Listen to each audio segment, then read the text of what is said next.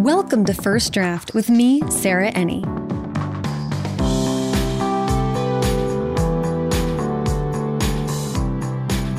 This episode is a panel put together as a part of A Mighty Blaze's YA Weekend, a celebration of authors whose debut novels came out during this strangest of debut seasons. This panel is one of the track changes events that we put together for that weekend. It's a conversation between an author, an agent, and an editor to cover the ins and outs of the publishing process. This panel features Abigail Hing Wen, debut author of Love Boat Taipei, agent Joanna Volpe, president and literary agent at New Leaf Literary and Media, and Alvina Ling, vice president and editor in chief at Little Brown Books for Young Readers. And Alvina is also the co host of the Book Friends Forever podcast. There's so much insight and fascinating perspective in this panel, including an update on how publishing houses are buying books during the pandemic, why you should be copying agents on all emails and tips for throwing a successful virtual event. Everything we talk about on today's episode can be found in the show notes. First Draft participates in affiliate programs, specifically with bookshop.org.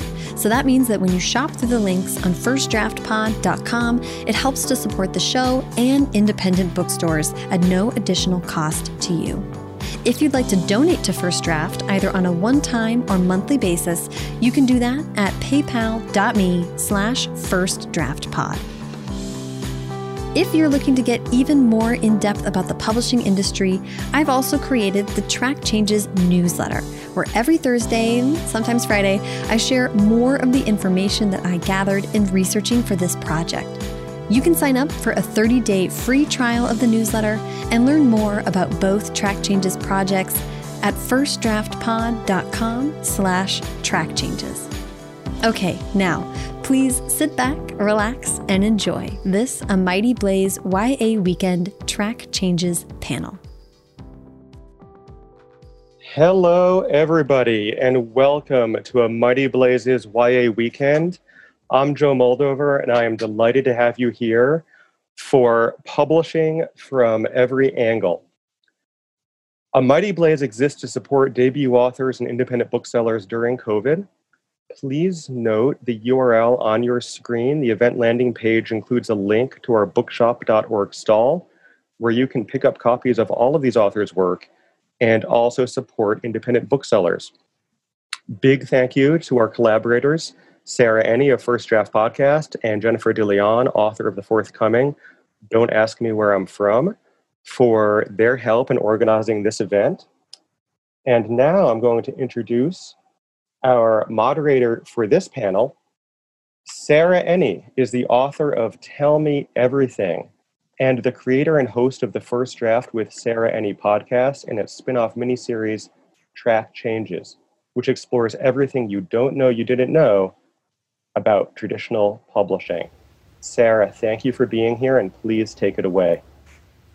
Thank you so much, Joe, and thank you to A Mighty Blaze for making this happen. This has been, A Mighty Blaze has been doing amazing work, so I'm really excited to be able to bring this panel today.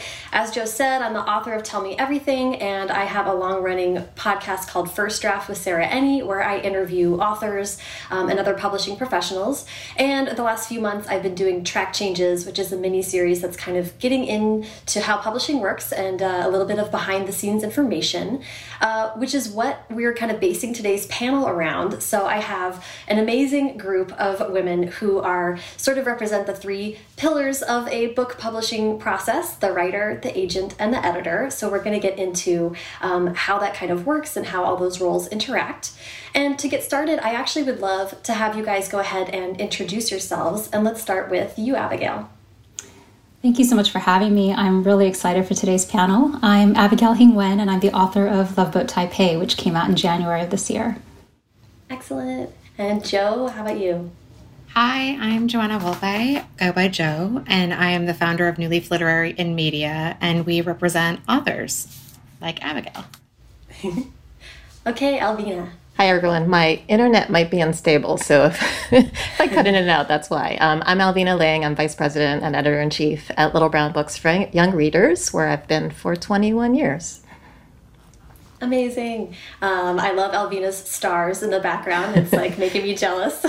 I need to make a make my background a little more fun and snazzy.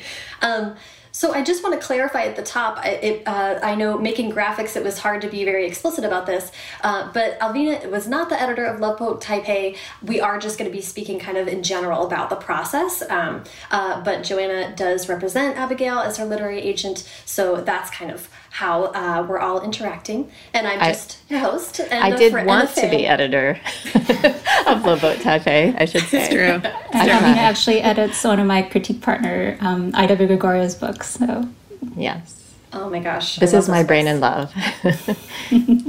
Amazing. Um, okay, excellent. So I'm going to start with you, Abigail. Um, the author, of course, is the heart of this entire process. And we're going to talk a, um, a lot about Love Boat Taipei. So, just to off the top of the show, I'd love to have you pitch that book for us. Great, yeah, thank you. So, Love Boat is actually inspired by a real program in Taiwan. It's uh, set on a campus called Chien Tan, where parents have been sending their kids to study language, Mandarin, and culture um, since the 1960s. So I went on this program as a teenager myself, and it was this crazy experience where I thought I was going to learn language and culture, but it really ends up being this free for all where the kids just go wild all summer, snake blood sake, glamour shots, sneaking out, clubbing, and doing a tour on the island, but also learning language and culture. So I think the story has just been in me for a long time, and um, I kind of imagined, you know, what would this experience be for um, a bunch of characters, and Love Boat Taipei in particular follows the journey of 18 year old Ever Wong from Ohio, whose um, parents sent her kicking and screaming to Taiwan, and uh, she ends up having the summer of her life. Amazing. Um, and, you know, we're going to talk a little bit as we go about the um, people who are publishing books now in COVID, which is the stated purpose of A Mighty Blaze to really like um, reach authors who are dealing with that experience. Your book did come out in January, Abigail, so you did get to do an amazing tour and a lot of fun stuff. Um, but, you know, 2020 and uh, the continuing to support a book has changed and it's different for all of us. So um, as we go, I'd love to hear you speak about that as well. But first, I want to talk about how you connected with Volpe as your literary agent. How did you first hear about her, and what made you think about approaching her for representation? Yeah, so this is actually one of my favorite stories that I would tell on tour. I had I've been writing for 12 years. I started writing um, when I was pregnant with my second child, and I you know it was kind of an insecure time when I'm like, am I really a writer? Am I is this real? And I was writing a middle grade fantasy about this boy. Um, it was actually at the time a high fantasy where this boy from our world goes into another world through a portal, and you know there's this world of like two different, like a shadow world and a light world. And it was just this crazy thing I wrote off the top of my head, and I loved it. And my husband was like, "Wow, you know, maybe there really is like you should. You're really having fun with this. Why don't you just you know go for it and see where it goes?" So I sent it out to a bunch of agents in the world. And um, actually, I don't know if you know this, Joe, but Stephen Barbara actually told me to query Joe Volpe. He's like, oh, she's like this young, up and coming um, agent. So I did query Joe. and of all those agents that I sent it out to, she actually snail mailed, she printed it out, a hard copy. She marked it up by hand and then snail mailed it back to me, which like nobody did even back then. And it was super encouraging. So she said, I still remember, like, I really think there's something here. And so I revised it, I sent it back. She'd been turning it down, you know, 10 years ago. Um, but it really kind of was one of those early encouragements in my journey and um, kept me going. And so when I went out with Love Boat Taipei, um, I had a, a, whole bunch of agents that were interested in representing it. And I was really lucky enough to have a chance to meet with them all and chat with them and hear their different visions. But I thought, like with Jo, it was really coming full circle. And, you know, she'd seen something in my writing all those years ago. And, um, like, yeah, it was just, it felt like coming home. That's amazing. I love that story. And taking the time to print it out and write on it. I mean, I feel like we're all kind of romantics about the the written word in that way. So that's that's so great. Um, Jo, do what, what were your what were your first impressions about Abigail? Obviously, you heard from her multiple times. So what were your impressions when you first read that um, middle grade and when you saw and heard about Love Boat Taipei?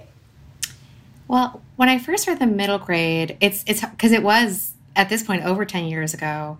Um, when I didn't remember when Abby queried me with Love Boat that that it was the same person until she raised it when we spoke on the phone, and you, said, you know, I queried you so many years ago, and you snail mailed me something back, and I was like, wait a minute, was it a middle grade fantasy? I didn't remember the title, but I like remembered generally what it was because I didn't I didn't do that all the time. I mean, I didn't have time to do that really.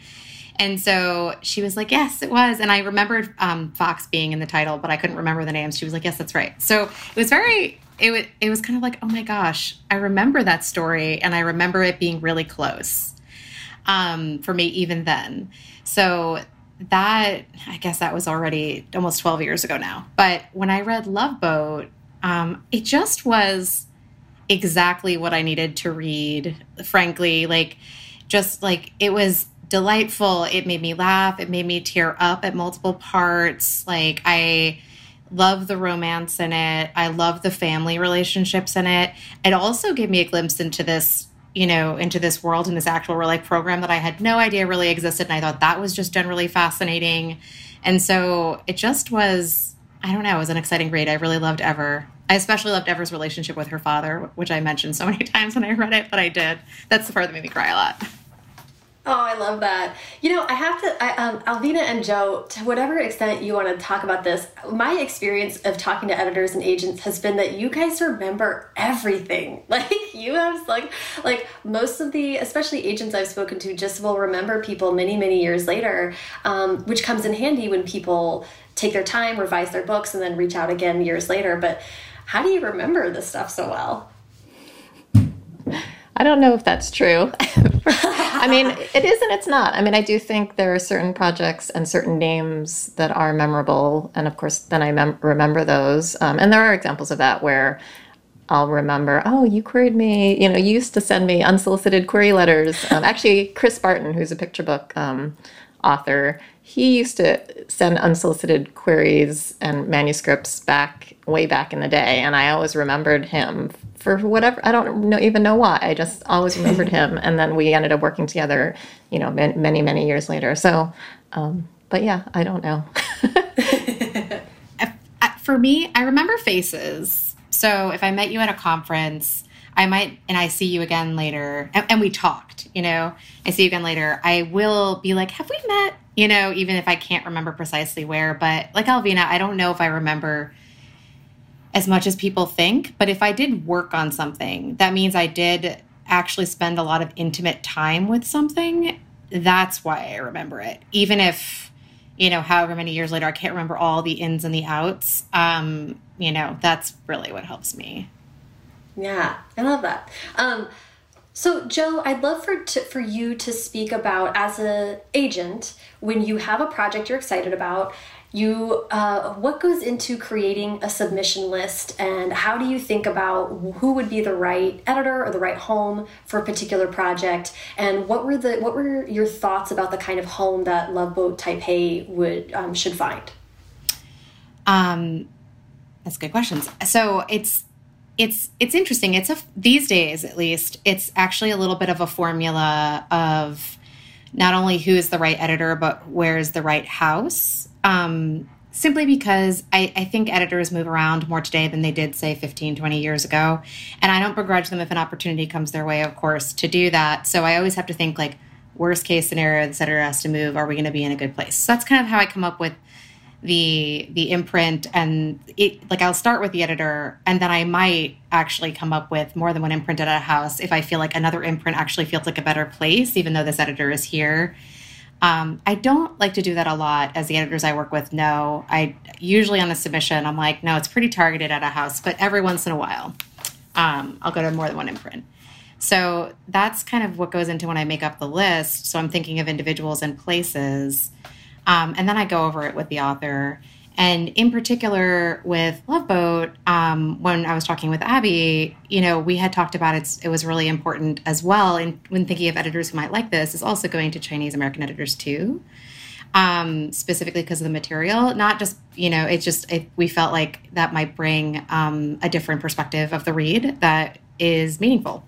So when we talked about the list, she had actually had said like, "Oh, I'm glad you're going to so and so." I was really already thinking about them, and and Abby is someone who'd been writing for so many years um, before getting published was very like she knew so much. She'd been following editors for a long time. She had a lot of published author friends who spoke about their editorial experience with their editors.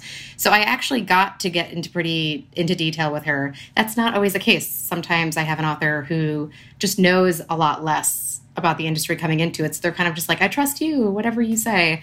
Um, but when someone has thoughts and feelings about that, I, I really welcome that because I think um, I think it could be really helpful in developing the list. So that's kind of how I pulled that one list together. Um, I forget what the second part of your question was, no, that that was that was it. Um, and, and, just like I, would love to just hear you speak to like how um, each imprint kind of has a brand and its own personality, right? So I'm sure you're keeping that in mind when you're thinking about the right home for a project, but also like knowing your author as you do and what kind of editing experience that they might mesh well with. Yeah. Um, how do you balance those two things? That comes more into play once offers are on the table. Because mm. then it, it, you know i wouldn't go to an editor if i didn't feel like there was something that would mesh well with my author. If i actually thought that they would not mesh well i don't care you know how much you know the the author might be a fan of their list i would tell the author up front like here's why i don't think you would mesh well. It doesn't happen a lot but sometimes. Um, but then when offers start to come in and in the case of love boat we had multiple offers then it's actually the formula shifts a little bit to actually being like, okay, who's the editor versus who's where's the imprint house, and then what is the level of offer? Because, and you know, the level of offer actually being the least important in that, but still a, a factor that needs to be taken into account because, you know, I, I, as an agent, know what a certain level of investment might mean at a particular imprint. Like, just the same number might mean something entirely different from one house versus another based on my years of experience in this. So, that's when we actually start to talk about okay, now I know my author and my author's needs and those needs do go beyond editorial. So I already picked an editor who I felt could take would mesh well with my author and who would take good care of the work. But now I need to make sure that they're also an editor who knows how to navigate the different departments in their house really well, um, and can be the champion we need them to be for the book, as well as is the house themselves investing enough you know, based on the offer level. And I will also ask at that time, like, what's the commitment to marketing and promotion too? Like, so that's not mon- mon- money wise. Like that's just generally how are you positioning this book? Where will it sit on the list? So yeah. then we go over all of those things together. Yeah, that's great. Um, thank you for that. That's, that's so much great information. Um, Alvina, I want to turn to you. So you were not the editor for Love Boat, but you are a, dare I say, legendary editor of many YA books. Um, just looking at your list, there were so many, but but you've worked with Holly Black for the Cool Print, the Cruel Prince series, Laini Taylor's The Daughter of Smoke and Bone, and Strange the Dreamer, Brandy Colbert's Little and Lion, which won the Stonewall. I love Brandy, um, and Emily X R Pan's The Astonishing Color of After, and many many more. Um, so I'm so excited to have your perspective today. Um, and you know, and, oh, and you and Joe have worked together. You worked together with Holly Black and with Samira Ahmed as well. Samira, author of Internment. Um, so you know, I'd love to hear from you. Not to put you guys on the spot, but when you get an email from Joe pitching a project. What kind of project do you have you learned to anticipate from Joe, and how do you kind of think about that when you hear from her? Well, I, mentioned this earlier, so I do want to say I did um, bid on Love Boat Taipei, and as a Taiwanese American editor, it really was right on my alley. Um, but I am friends with uh, Abigail's editor, Kristen Pettit, and so she actually sent me a finished copy of the book when it came out. So Yay. very happy for both of them. um, no, I think with Joe, it's I'm ex- I expect something that's really quality. Um, I think whenever you know Joe has impeccable t- taste and also a great reputation. In fact, when a, um, authors ask me for recommendations for agents, I always recommend New Leaf um, and Joe and mm-hmm. or any of the other ed- um, agents on the agency. Um, and I really also appreciate how like kind of full service New Leaf is as an agency. So I think that it's it's actually a really special agency. I think best in the business. Wow. Thank you. Although, don't other agents who are listening. I, I totally agree. I have heard actually Joe likened to Miranda Priestly from The Devil Wears Prada, except what? much much nicer. the Miranda Priestly of the industry. Wow. much that. nicer. Much nicer. it is a compliment. You got the the Meryl gravitas. Yes. Um, uh, So, Alvina, you know, I, I, to whatever extent you'd like to talk about it too, I think it's so interesting as an editor. Let, let's start actually with what makes projects stand out to you. When you get the opportunity to read a new project, what is something that will make you think, oh, I might actually want to pursue this? Well, uh, so in my position, I'm actually not as actively acquiring as I you know was when I was um, more junior of an editor. Um, so I am very very selective. So it really has to just wow me in some way. I think for YA and middle grade, it has to feel really fresh, like like something that I haven't seen before, which is actually the case with Love Boat Taipei. You know, I had never seen a book on on that t- topic, and also set in Taipei with such great detail of the food and all of the you know the nightlife. Um, so that really stands out to me. And it, for picture books too, you know, I always I like to say that I'm looking for picture books that make me think wow, why hasn't this been done before? Or I can't believe this hasn't been done before. So something that just really grabs me in that way. Yeah, I love that. And and um, when you are in a competitive situation, as you were with Love Boat Taipei, what are ways that you as an editor can pitch yourself to an author or differentiate yourself or kind of show what kind of house you would be for that work?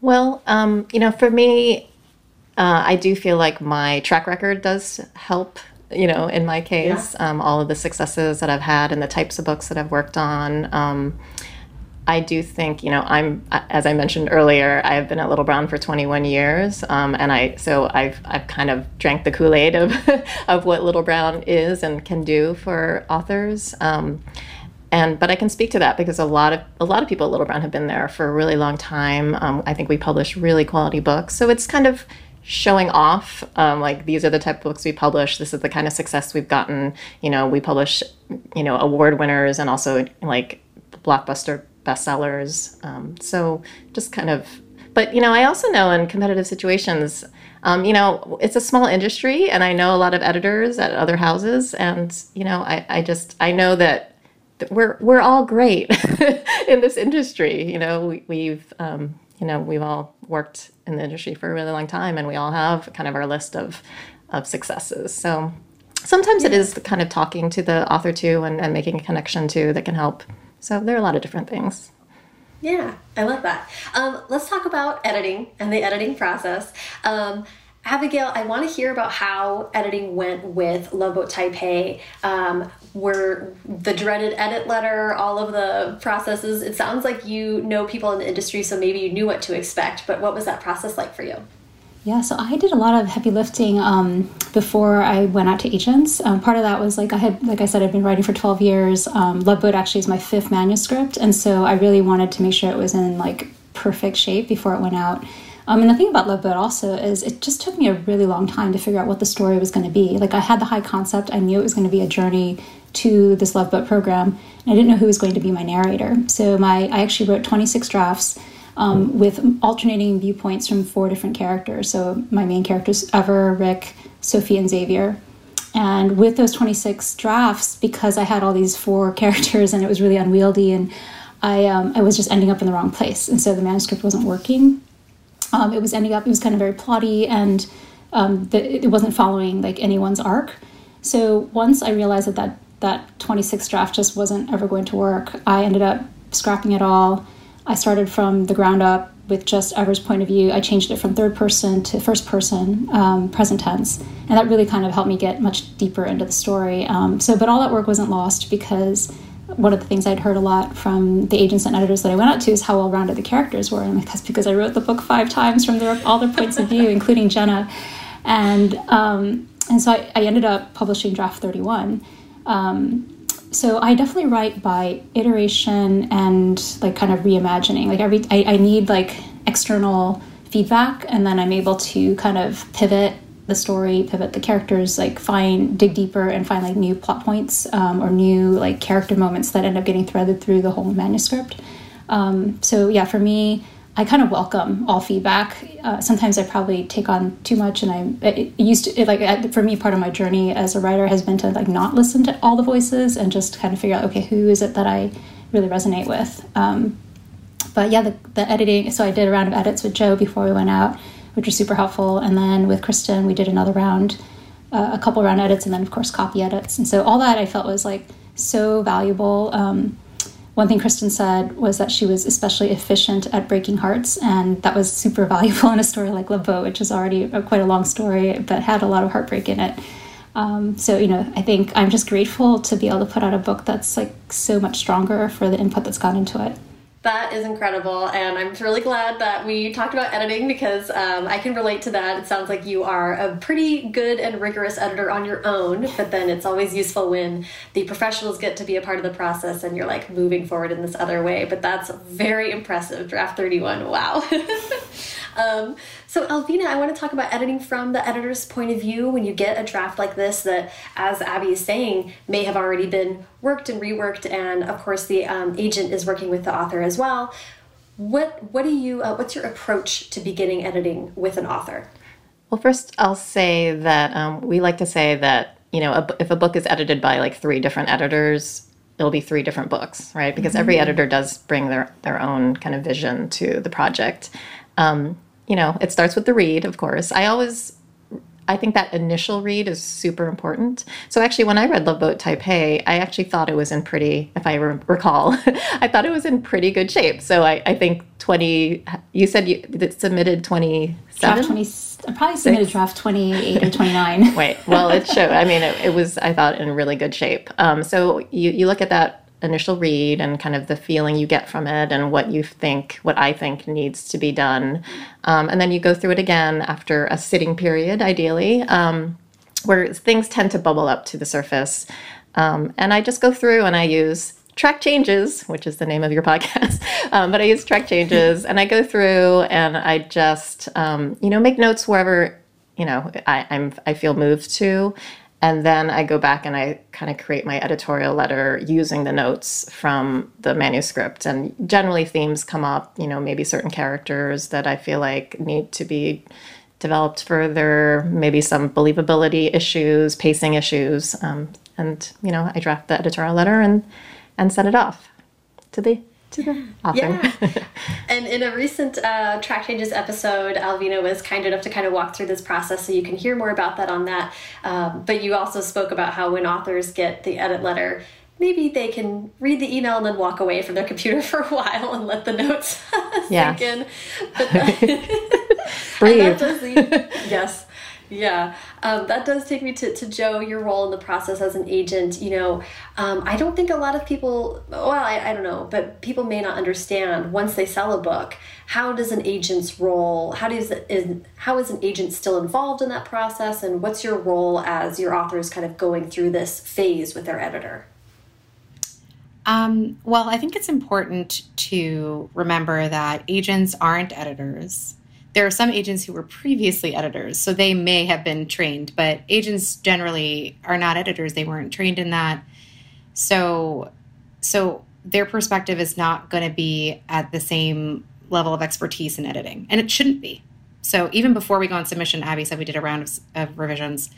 We keep it to just. I, it's my job to be like, I what is your what is the story you want to tell? Okay, let's make sure that's on the page very clearly before we submit it so that the editor can connect the dots and then they'll take it to the next level with you. So that's basically my role of editing before. And then after it's sold, um, honestly, and I say this to whenever I sell a new book to somebody, Alvin has probably heard this spiel from me before where I say, please keep me copied on all emails. I promise I will fade right into the background. I am not here to get in the middle of the creative process. Um, and I'll only jump in if someone specifically says, hey, Joe, we need you to jump in. Um, it's more just for me for tracking when the major points happen in the process, like the first edit letter. I always read it. And I do wait like 24 hours before checking in with my author if they haven't already reached out to me and been like, hey, what did you think? Is everything good? like, you know, do you want to discuss anything? Um, and that part of the process probably is more involved when it's someone who is earlier in their career, who has published either no books or just a couple of books before um, you know, Alvina and I work with Holly Black, and Holly, before even working with Alvina, had published dozens of books.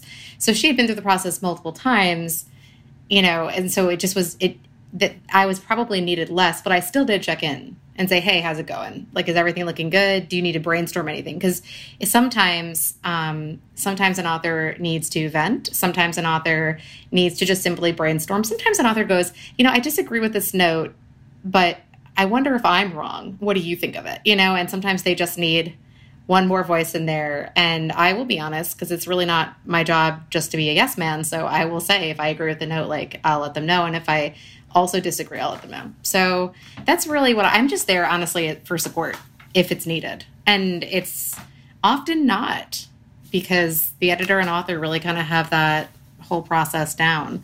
Sometimes it's actually really important when an editor does move houses and then they get, you know, switch to another editor. And at that point, I'm the only other consistent voice in the room. So helping uh, an author through that period, if they had one editorial letter with one editor, just like Alvina said, you get three different editors, three different stories easily. So, you know, just making sure like to help bridge that. Sometimes I actually will even preemptively email the editor, the new one, and say, like, hey, just so you know, like, I don't know if you saw the edit letter the other editor sent, but this is what it was. This is what my author felt really strongly about. Um, just to kind of avoid some of that conflicting editorial notes. But most editors who do take over a project are also pretty thoughtful about that too. So. Yeah, I appreciate that. And that, and this and it kind of gets to the heart of what I really want to reflect in, in track changes and in this panel is just just touching on communication. Um, and once the book is sold, you know, there's so much texting and emailing and phone calling when the book is sold and then afterwards it gets a little bit more like whoa what's what's normal? How do i want to um, communicate with my team? Um, alvina do you have any notes on like maybe tips or advice on how people can communicate best within a within the partnership that is author agent and editor?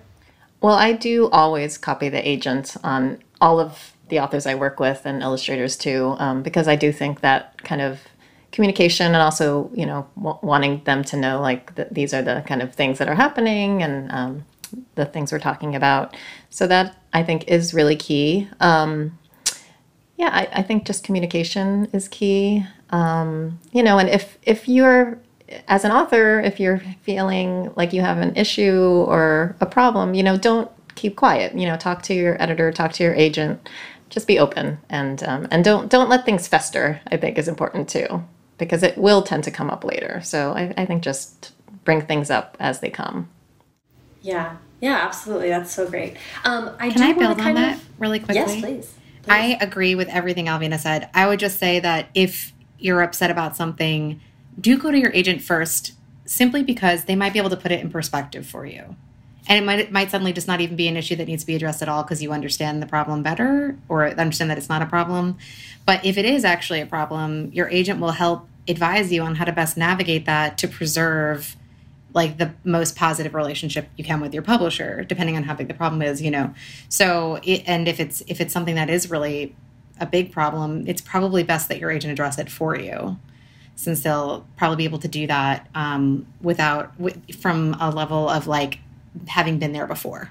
And so knowing precisely what to say and how to ask questions and whatever it be I think that's that's huge. That's so great. Um, and and Abigail, as you and I, as authors, both know, uh, there's stuff that should be brought up to the attention of your agent and maybe even your editor. But there's also um, just petty grievances and things that you want to talk to your author friends about that might need to stay stay in the in the private Slack maybe or a text chain. Um, and you, I, I, I'd love to talk, Abby, about you debuted in January, you had you were able to go meet with a ton of other authors and do events, but things have changed so much and I'd like to hear you talk about how your publishing experience has been impacted by the the pandemic and having to stay inside and maybe even how you've seen your other friends kind of be nimble and, and approach uh, approach things differently. Right, right. Well, so I, I was lucky to come out in January. So my pub date was January 7th. And Barnes & Noble actually picked Loveboat Taipei as one of their, um, I guess they do 12 young adult book club picks of the year. And so they picked it for February. And so I was really, really lucky that all that happened before COVID. Um, I did go on tour. I did have a chance to meet a lot of um, new readers. And I, I, got to go on tour with Harper, with Adam Silvera, um, and Farah Nisha as well. So um, but then when COVID hit, I did have one event canceled along the way. It was actually a really forward thinking group in Long Island. At the time, we were like, oh, do we really need to cancel? And they're like, yeah, we need to cancel. Um, and that was in January, actually, um, because of COVID. So in March, when the shut in started, I had seven major events that were canceled. And that for me was actually really hard. It was really heartbreaking because, you know, it's so hard just, you know, to get a book through the, through the gates. And then, like, I felt like, wow you know, I was I was so excited to go these to these events, and actually, I did not have a chance to meet with a lot of authors yet, and so these were going to be my my opportunities to start to connect with other published authors in the industry besides my critique partners, and um, you know, but it ended up being like there were definitely things that were lost, but there also were a lot of um, unexpected like blessings that came out of it. So there was one event I was supposed to go to a book festival in Santa Monica, and they turned it into a virtual event, and we ended up having 1,055 people come to the panel and I'm pretty sure they couldn't have fit that many people into a panel at you know the, the live event. So for sure, with virtual talks like this one, like we've been able to reach a much larger audience, and I've been able to be on panels and in conversations with people that I wouldn't have physically been able to get to. Um, like so, for example, I just did a panel with Lea Salonga, who's my childhood hero. She's the voice of Jasmine and Mulan and so many others, and she was um, Miss Saigon on Broadway. And so, you know, she was in the Philippines, and I was in here in Silicon Valley, and then her filmmaker Cecilia Mejia was in New York, and and we were able to do it. So. I'm I, and I'm seeing that like I feel like people are really trying to be creative around virtual events and, and push them forward, but it's definitely really hard. Like getting a book into Barnes and Noble, like you know we had like amazing shelf space and like so all that was was kind of lost because you didn't have people walking into the bricks and mortar stores. And same with the independent bookstores. They have been so incredibly supportive of Loveboat Taipei. And you know for so many weeks like nobody could go into independent bookstores. So I think the good thing is um, people are I think we're just trying to be cognizant of that and, and trying to support um, these these bookstores throughout the process and throughout this pandemic. Yeah, absolutely. I mean, definitely a Mighty Blaze is a great example, right? Kind of people saying like, we need to make sure that these books don't get totally lost, and that we keep um, keep supporting our indies and bookstores of all all kinds. Um, Jo and Alvina, I'd love to hear from your perspective. You know how you have uh, stayed nimble in this time, and how you've worked with your authors who are being impacted by uh, this very unique and unusual um, publishing environment. Jo, why don't we start with you? Uh, well, as Abby said, we're doing a lot of kind of like the sky's the limit in terms of who our partners could be between media partners, organizations, and even just other individuals that would have 100% been like a, a no go, like don't even bother kind of outrage before. Now it's kind of like actually they're looking for content to engage their audiences too. And so everyone's looking to bring new stuff to their audience to keep when I say audience, like whoever their market is, to keep people coming back to their site and their pages, because right now everything is virtual. That's the biggest way to uh, engage people. So, um, so we've been able to cultivate some really interesting partnerships, and even working with celebrities, like in the case of Abby or whatever, uh, Abigail, whatever it be. Sorry, sorry, Abby, Abigail. It's both. Um, so um, so anyway so that's where uh, that's been the kind of fun part of it. In terms of advice that i've been giving people um, when talking to my clients about it is that you really want to be a little bit more thoughtful about what it is that you're talking about. You know come up with a topic and a title that sells the topic really concisely because there's so much of this happening across all mm-hmm. industries right now. And so if you really want to engage your audience and other audiences, you have to tell them what they're going to be getting. You can't say so and so in conversation with anymore. That's just, there's too many conversations happening. So, what is the conversation going to be about? How is it going to bring a new perspective to the topic, which I'm sure has been discussed before? Um, and also get that together in advance. I see a lot of people throwing together virtual events and starting to only promote them the week before. Hmm. It, it just like anything else like you need to they, you need to break through a lot of noise to promote.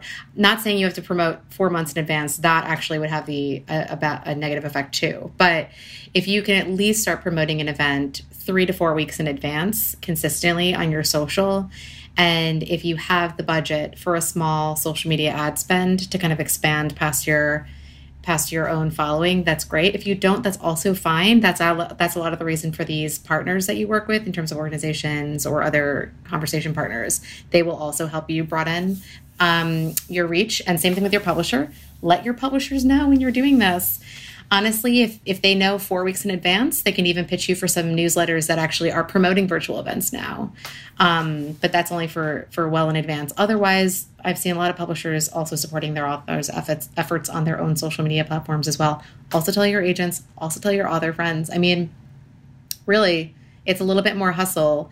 But then after the event happens, you also have this recorded thing that's going to continue to live online that you can actually continue to use and point to and list it on your website under the wonderful topic name that you came up with.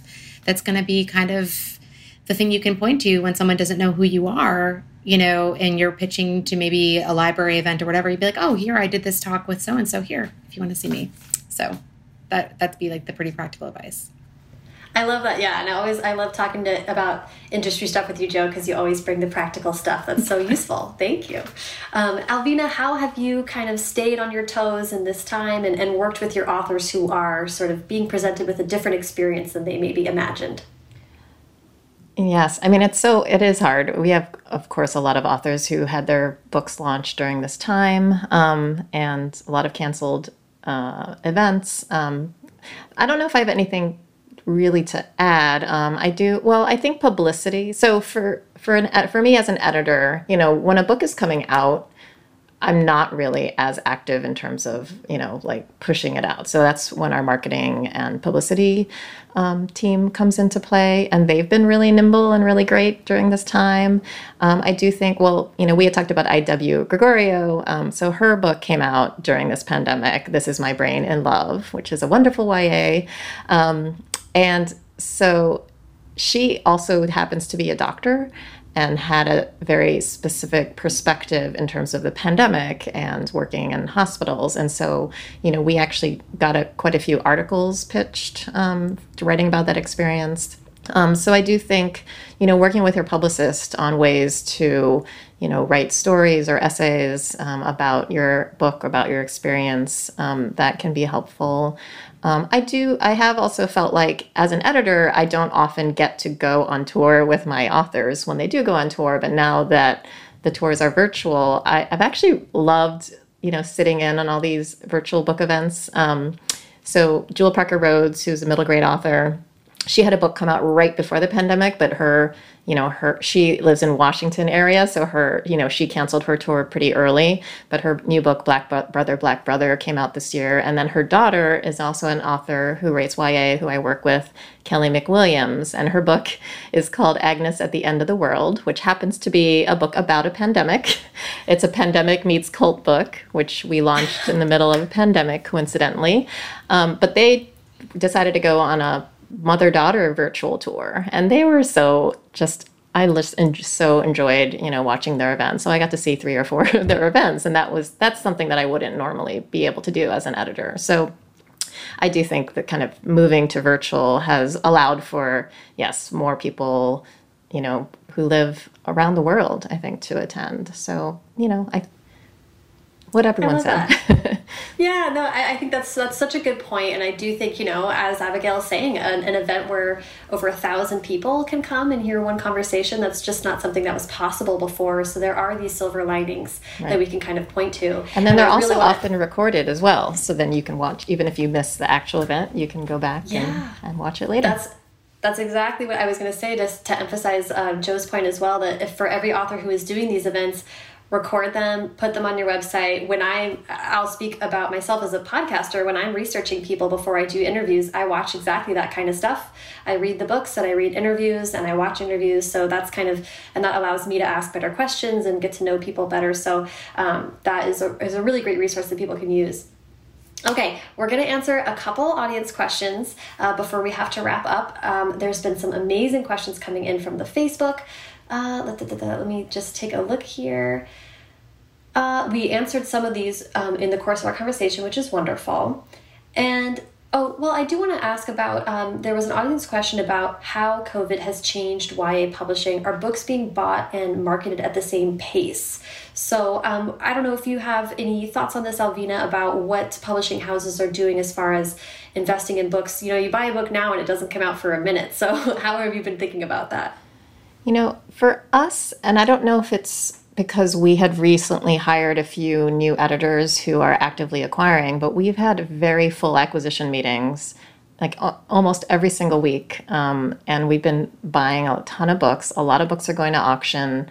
Um, so in terms of you know buying books for the future, uh, if anything, it's sped up or stayed mm. the same, which is interesting. Um, I think in terms of you know, of course, early on, and then I, in the first two or three months, we did receive some COVID themed books mm. that you know, for in some cases, you know, didn't feel right. Um, I think one thing that's changed during this time, not in terms of acquisitions, but in, also in terms of editing, is having to make the decision when you're editing, say, a YA contemporary or middle grade contemporary is do you mention the pandemic or not? You know, we kind of joked that for maybe the next two or three years, every contemporary book will be set in 2019. So you can just avoid any of that. But that, that's been a challenge too. But yeah, in terms of um, acquiring, that hasn't slowed down.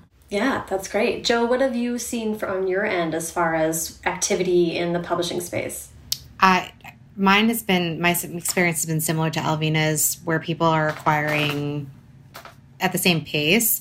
Um, for sure. I, I don't know if creators are creating at the same pace. I have some people have been like, I'm gonna I'm super motivated because I'm home or whatever. Um, I'm home or I need this to focus on anything but this pandemic.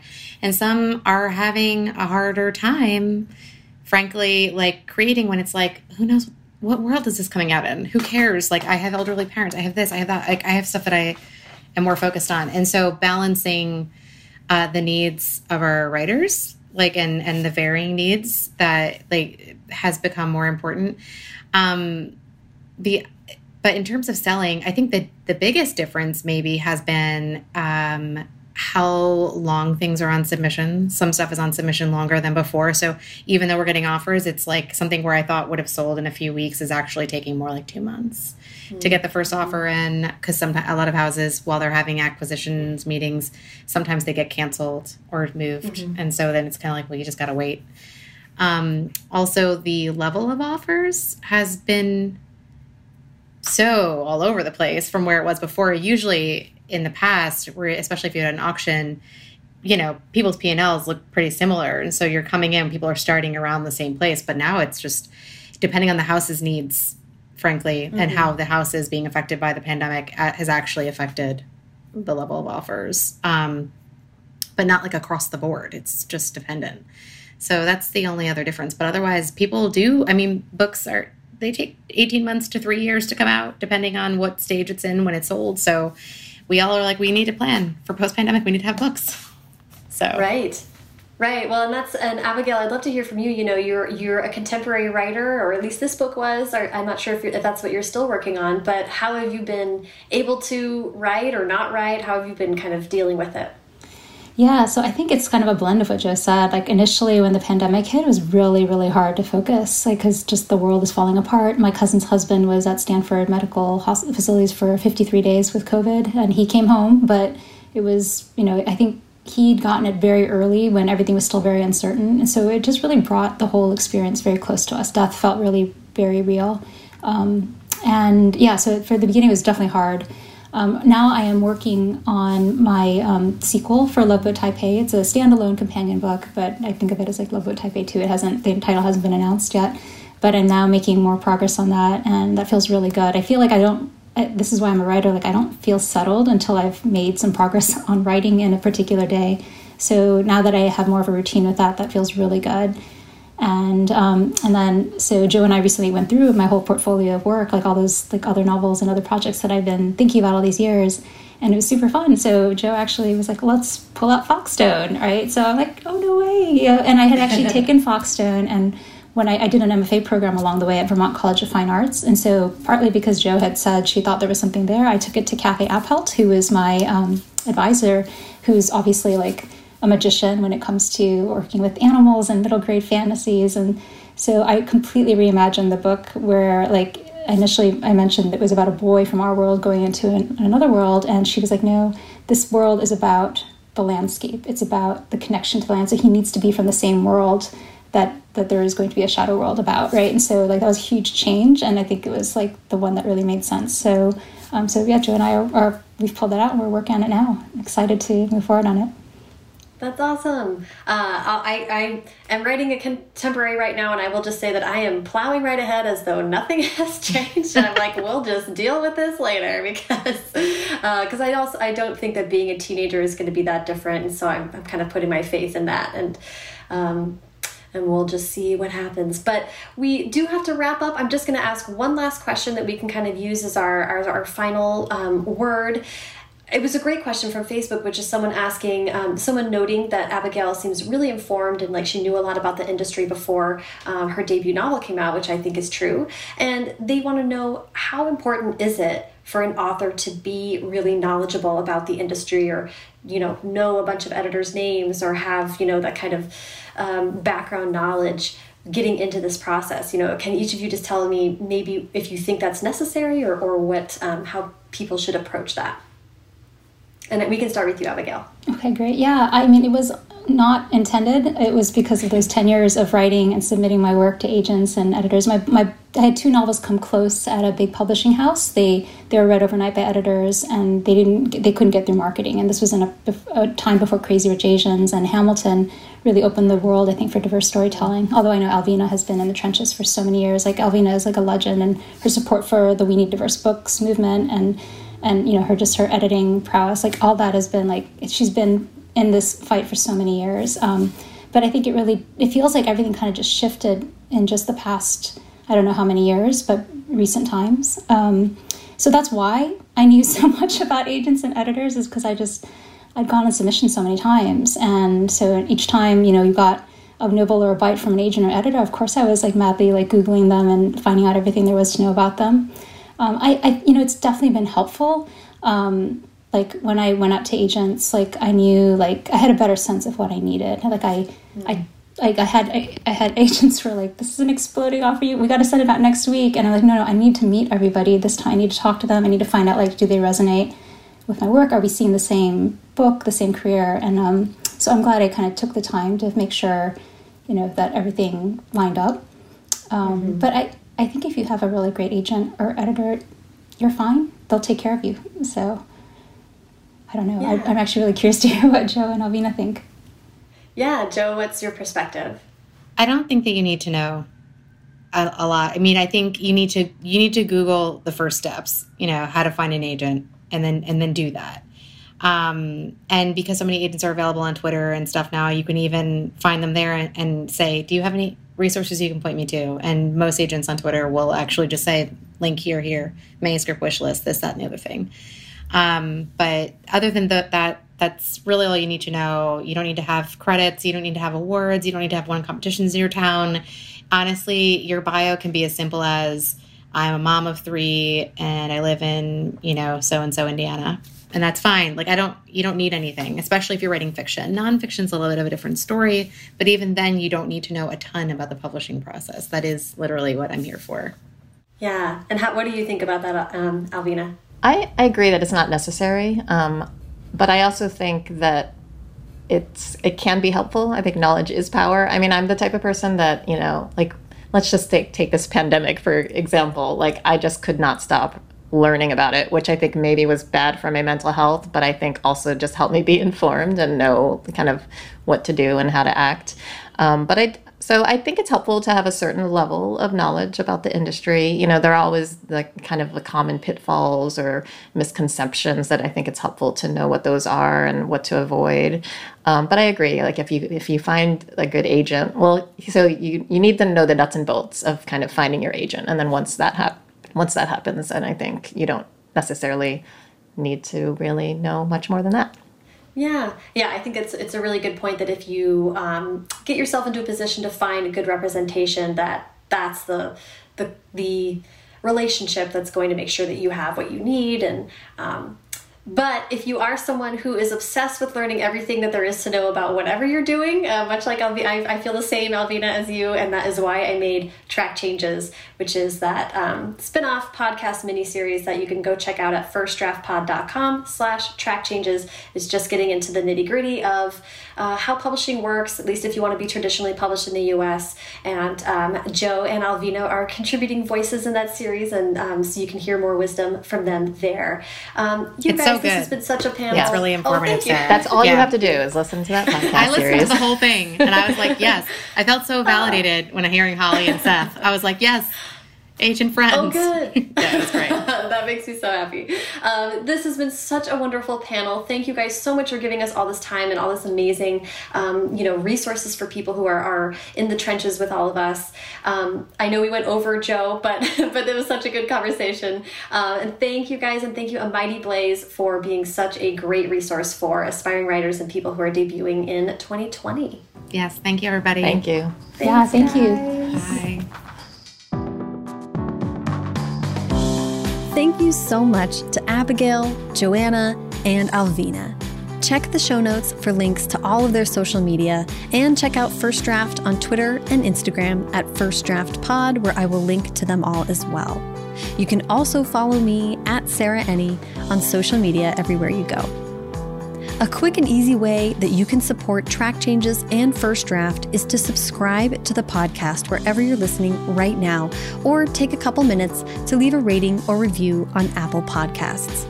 First Draft was recently named one of Apple Podcasts' top 25 podcasts for book lovers, and I want to thank everyone who took time out of their day to leave a rating and review and draw attention to the show to make that possible. Haley Hirschman produces First Draft, and today's episode was produced and sound designed by Callie Wright. The theme music is by Dan Bailey, and the logo was designed by Colin Keith. Thanks also to transcriptionist at large, Julie Anderson. And as ever, thanks to you, loyal virtual fans, for listening.